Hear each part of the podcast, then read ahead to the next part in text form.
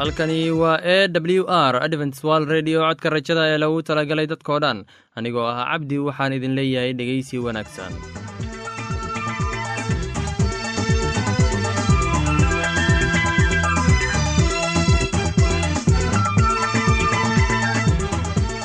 Barnaamijyadeena maanta waa laba qaybood. Qaybta kuwaad waxaad ku maqli doontaan barnaamijka nolosha qoyska. Kadib waxaa inoo raaci doonaa cashar inaga yimid bugga nolosha ee dhegeysi wacan kulanti wacan dhegaystayaal kuna soo dhowaada barnaamijkeennii nolosha qoyska oo aad xiliyadan oo kale aad hawada inaga dhegaysan jirteen. Mowduuciina maanta wuxuu ku saabsan yahay waxyeelaynta haweenka anigoo ah cabdi waxaan idin leeyahay dhegaysi wacan dhammaantiinba.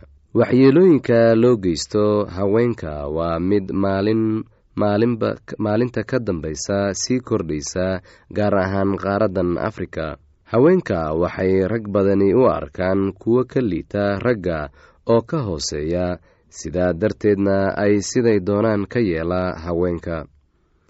Haween badan ayaan la ogeyn dhibka haysta ama iska qarsada dhibkooda oo aan cidna u sheegin waxa soo gaaray.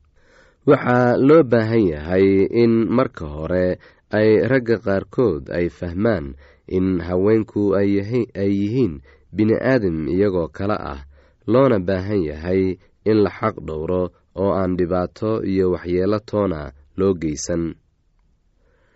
Waxaa meelaha qaar lagu arki karaa dalkeenna haween aan loo turin.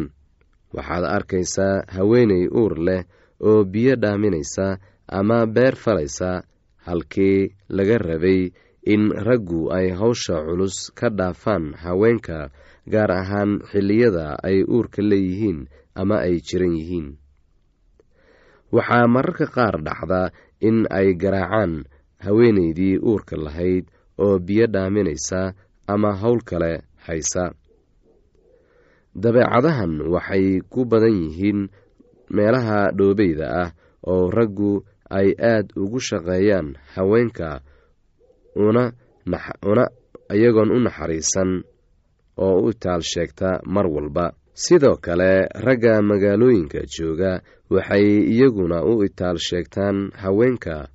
Waxaan inta badan aragnaa haweenka oo shaah dariiqyada ku iibiya ama qaad iibiya iyagoo reerkooda biilaya. Taa la yaab ma laha waayo waa shaqo loo baahan yahay. Laakiin waxaa dhacdaa in rag badani ay ku dilaan xaasaskooda ama ay ku qayliyaan si qaad loogu iibiyo. Haddii aysan siinin lacag ay ku iibsadaanna ama qaadka aysan siinin ay markaa qaylo iyo dhibaatooyin u geysanayaan. Haddaba dhegaystow ku xadgudubka haweenka waa dembi weyn ilaah agtiisa waana in aan waajib ballaaran iska saarnaa dhowrista xuquuqda haweenka. Waayo waynala dhasheen oo wayna dhaleen waana aan la dhalanay. Rag inala mid ahna way la dhasheen. Ragga qaar ayaa qabaa in haweenku aysan inaba xuquuq lahayn ama u maleeya in ay ka liitaan. Runtii ragga iyo haweenka ilaah ayaa wada abuuray oo ilaah agtiisa way u wada siman yihiin. Ogow haddii aad xaqirto ruux haweenay ah inaad xaqirtay hooyada tii ku dhashay adiga. Ragga qaar ayaa si xun u garaaca haweenka oo dhaawacyo xunxun gaarsiiya. Qaar nafta ayay ka qaadaan qaarna way kubsadaan hadday doonaan. Halka qaar ay si xun ugu shaqeeyaan. Haweenka waa bini-aadan mana aha in si xuushnimo ah loola dhaqmo. Waana mid dembi ah xaqiraadda lagu hayo haweenka. Waxaan ognahay in haweenka ay galaan dembiyo balse ma aha in qaladka ay galaan qalad kale lagu gudo ama aan lays odhan cid kaa celin karta ma jirto. Sidaa darteedna sidaad doonto ka yeel ragga quman waa kuwa u naxariista haweenka oo u tura balse kan maangaabka ah ayaa ku xadgudba haweenka. Dad badan oo soomaali ah ayaa qabaa in gabdhuhu aysan wax faa'iido ah u lahayn reerka ay ka dhalatay balse qaba in ay ceyb u soo jiidayso. Waxaan maanta wada ognahay in gabdhuhu ay boqolkiiba boqol ka naxariis badan yihiin wiilasha kana waxtar badan yihiin. Guud ahaan haweenku waa aasaaska bulshada maadaama ay aasaaska bulshada yihiinna waa in ahmiyad gaar ah la siiyaa oo aan lagu xadgudbin lagana ilaaliyaa kuwa ku xadgudba haweenka sharcigana la keeno si waajibaadkooda loo marsiiyo dhegeystayaasheenna qiimaha iyo qadarinta mudano waxaan filayaa inaad si habboon u dhegeysan doontaan. Haddaba haddii aad qabto wax su'aal ama talo iyo tusaale oo ku saabsan barnaamijyadeena maanta fadlan inala soo xiriir. Dib ayaynu kaga sheegi doonaa ciwaanka yagu balse intaynan u guuda gelin barnaamijyadeena xiisaa leh. Waxaad marka hore ku soo dhowaataan. Heestan daabacsan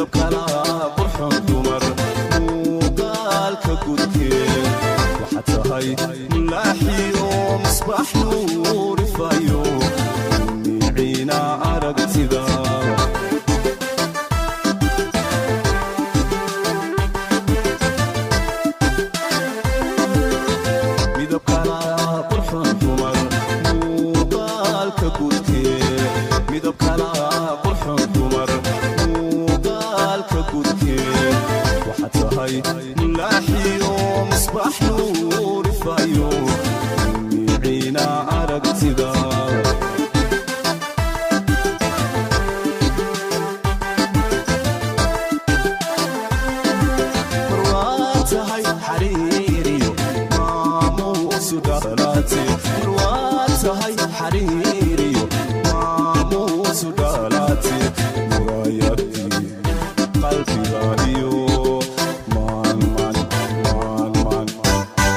waxaa tahay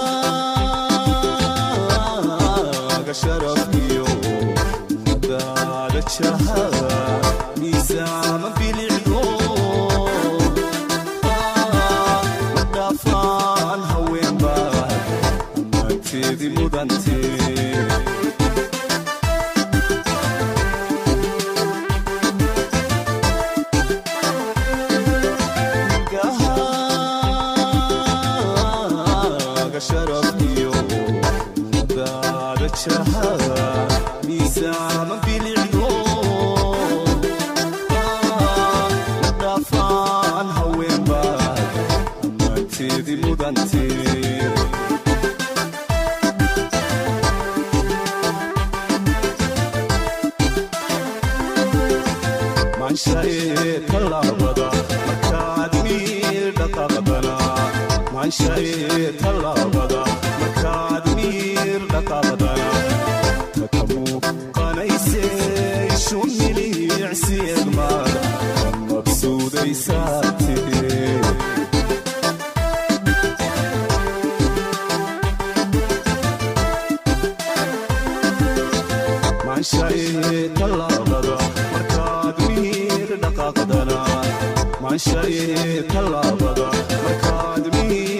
qaabadana ka kamu qanayse shumiliibicsiyada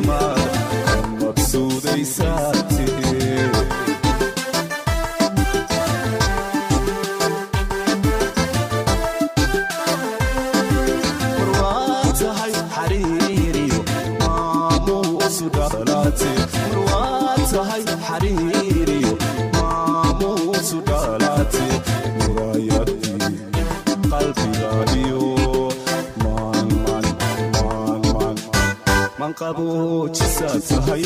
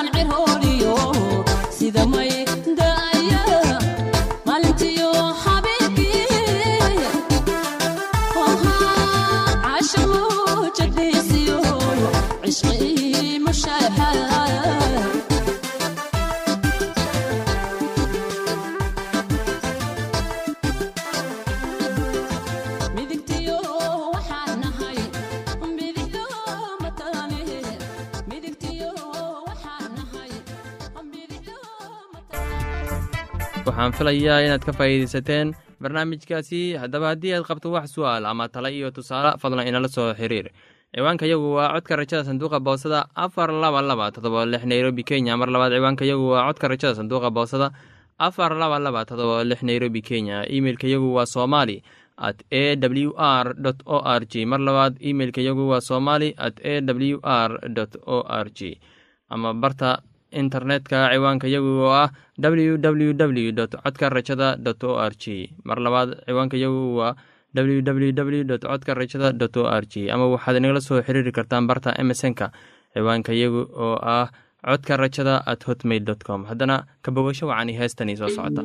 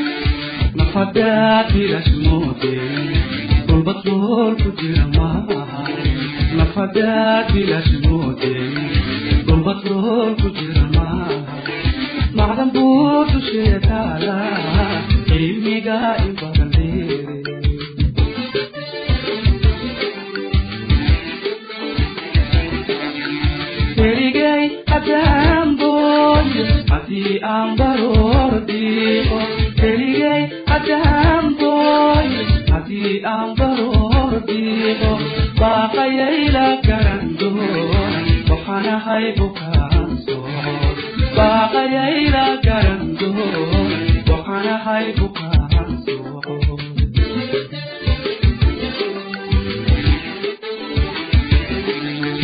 keligay hadaamboy haddii aan baroor diiqo keligay xataankohadii aan barordiiqo baaqayayna garan dumo waxanahay bukaanso baaqayayna garan dumo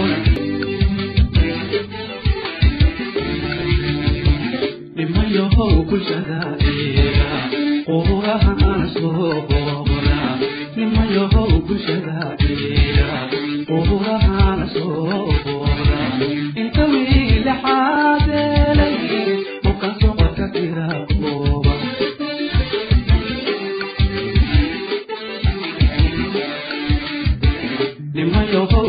adaadaynayo quurahaan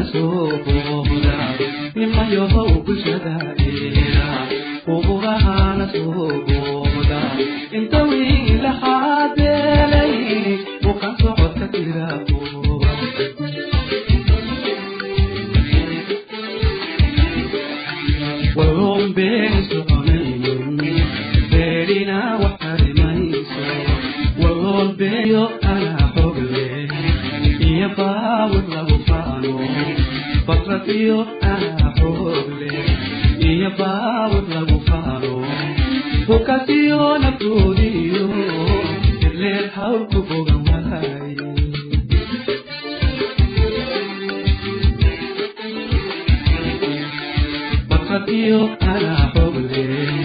iyo baawur iyo baawur lagu katiyo la quudiyo ileel hawlku oga waaye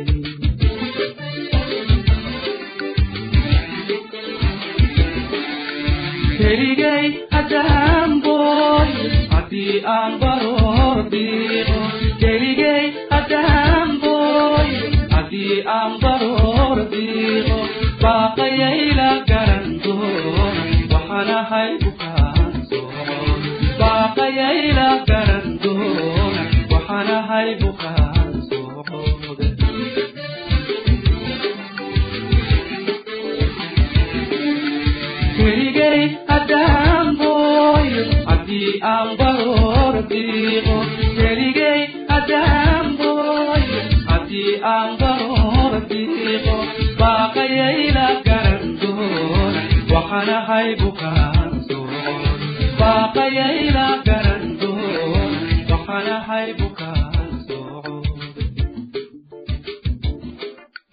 waxaan filayaa inaad ku raaxaysateen heestaasi. Haddana waxaad ku soo dhowaataan barnaamijkeenna inaga yimid bugga nolosha. Barnaamijkaasi waa barnaamij xikmad badan ee ka bogasho wacan bilowgii ilaah samada iyo dhulku abuuray. Dhulkana qaab ma lahayn wuuna madhnaa gudcurna muulkuu dul joogay oo ruuxa ilaahna wuxuu ka dul dhaqdhaqaaqayay biyaha. Ilaahna wuxuu yidhi iftiin ha ahaado iftiin baana ahaaday. Ilaahna wuxuu arkay iftiinkii inuu wanaagsan yahay. Ilaahna iftiinkii ayuu ka soocay gudcurkii. Ilaahna iftiinkii wuxuu u bixiyey maalin gudcurkiina wuxuu u bixiyey habeen. Waxaana jiray fiid iyo subax isla maalin ah ilaahna wuxuu yidhi meel bannaani ha noqoto biyaha dhexdooda oo iyadu biyaha ha ka soocdo biyaha. Markaasuu ilaah sameeyey meeshii bannaanka ahayd oo wuxuu biyihii bannaanka ka hooseeyey ka soocay kuwii bannaanka ka sarreeyey. Sidaasayna ahaatay. Ilaahna bannaankii wuxuu u bixiyey samo waxaana jiray fiid iyo subax maalintii labaad. Ilaahna wuxuu yidhi biyaha samada ka hooseeya meel ha isugu soo urureen oo ciidda engegani ha muuqato sidaasayna ahaatay. Markaasuu ilaah ciidda engegnayd u bixiyey dhul. Ururkii biyahana wuxuu u bixiyey bado oo ilaah wuxuu arkay intaasu wanaagsan tahay ilaahna wuxuu yidhi dhulka ha soo bixiyo doog iyo geedo yaryar oo iniino dhala iyo geedo waaweyn oo midho caynkooda ah dhala oo inanahoodana ku dhex jiraan oo dhulka ku kor yaal sidaasayna ahaatay. Dhulkiina wuxuu soo bixiyey doog iyo geedo yaryar oo leh inino caynkooda ah iyo geedo waaweyn oo midho dhala oo inanahooda ku dhex jiraan iyagoo caynkooda ah. Ilaahna wuxuu arkay intaasu wanaagsan tahay waxaana jiray fiid iyo subax maalintii saddexaad. Ilaahna wuxuu yidhi iftiimo ha ahaadeen meesha bannaan oo samada dhex ah si ay u kala soocaan maalinta iyo habeenka oo ha u ahaadeen calaamooyin iyo xiliyo iyo maalmo iyo sannado oo iftiimo ha u noqdeen meeshii bannaanayd oo samada dhex ahayd si ay u iftiimiyaan dhulka dushiisa sidaasayna ahaatay oo ilaah wuxuu sameeyey laba iftiin oo waaweyn si uu iftiinka weyn u xukumo maalinta iftiinka yaruna u xukumo habeenka oo xidigahana wuu sameeyey. Ilaahna wuxuu iyaga dhigay meeshii bannaanayd oo samada dhex ahayd si ay dhulka u iftiimiyaan oo ay u xukumaan maalinta iyo habeenka oo ay iftiin uga soocaan gudcurka. Ilaahna wuxuu arkay intaasu wanaagsan tahay oo waxaana jiray fiid iyo subax maalintii afraad. Oo ilaah wuxuu yidhi biyuhu ha u soo bixiyeen uun dhaqdhaqaaqa oo badan oo naf nool leh.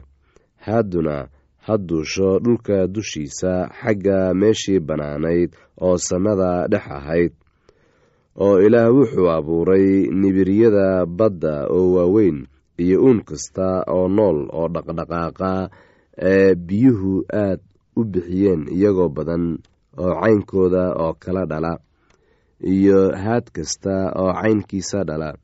Ilaahna wuxuu arkay intaasu wanaagsan tahay oo ilaah baa barakadeeyey iyaga isagoo leh wax badan dhala oo tarma oo biyaha badda ka buuxsama. Haaduna ha ku tarmeen dhulka oo waxaana jiray fiid iyo subax maalintii shanaad. Oo ilaah wuxuu yidhi dhulku ha soo bixiyo uun nool oo caynkiisa dhala kuwaasoo ah xoola iyo waxa gurguurta iyo dugaagga dhulka oo caynkooda dhala. Sidaasayna ahaatay.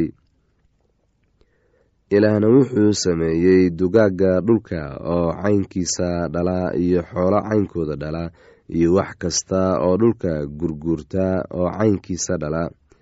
Ilaahna wuxuu arkay intaasu wanaagsan tahay ilaahna wuxuu yidhi aan nin inoo eg ka samayno araggeenna oo iyagu ha xukumeen kalluunka badda iyo haadda hawada iyo xoolaha iyo dhulka oo dhan iyo waxa dhulka gurguurta oo dhan oo ilaah nin buu ka abuuray araggiisa. Ilaah araggiisa ayuu ka abuuray isaga lab iyo dhadig ayuu abuuray oo ilaah baa barakadeeyey iyaga oo ilaah wuxuu iyaga ku yidhi wax badan dhala oo tarma oo dhulka ka buuxsama oo ka sara mara dhulka xukuma kulunka badda iyo haadda hawada iyo wax kasta oo nool oo dhulka kor dhaqdhaqaaqa. Oo ilaah wuxuu yidhi bal eeg waxaan idin siiyey geed kasta oo yar oo iniino dhala oo ku yaal dhulka dushiisa oo dhan iyo geed kasta oo weyn kaasoo miro leh oo iniino dhala oo waxay idiin noqon doonaan cunto oo dugaag kasta oo dhulka jooga iyo haad kasta oo hawada duusha iyo wax kasta oo dhulka gurguurta oo naf nool leh ayaan geed kasta oo cagaar ah cunto u siiyey. Sidaasayna ahaatay oo ilaah wuxuu arkay wax kasta oo uu sameeyey oo bal eeg aad bay u wanaagsanaayeen waxaana jiray fiid iyo subax maalintii lixaad. Heestaasi iyo casharka buugga nolosha ayaanu ku soo gabgabayneynaa barnaamijyadeena maanta. Halkaad inaga dhegeysanaysaan waa laanta afka soomaaliga ee codka rajada ee lagu talagalay dadka oo dhan. Haddaba haddii aad doonayso inaad wax ka faa'iidaysataan barnaamijyadeena sida barnaamijka caafimaadka barnaamijka nolosha qoyska iyo barnaamijka kitaabka quduuska fadlan inala soo xiriir. Ciwaanka yagu waa codka rajada sanduuqa boosada afar laba laba todoba lix nairobi kenya. Mar labaad ciwaanka yagu waa codka rajada. Sanduuqa boosada afar laba laba todoba lix nairobi kenya. Emeilka yagu waa somali at a w r o r g mar labaad emeilka yagu waa somali at a w r o r g ama emesonka oo ah codka rajada at hotmail com. Mar labaad emesonka yagu waa codka rajada at hotmail com. Ama barta internetka ayaad ka akhrisan kartaan barnaamijyadeena iyo ka maqasha sida w w w dot codka rajada dot o r g dhegeystayaasheena qiimaha iyo qadarinta mudan oo barnaamijyadeena maanta waa naga intaas. Tan iyo intaynu hawada dib ugu kulmayno. Waxaan idin leeyahay sidaas iyo ammaano allah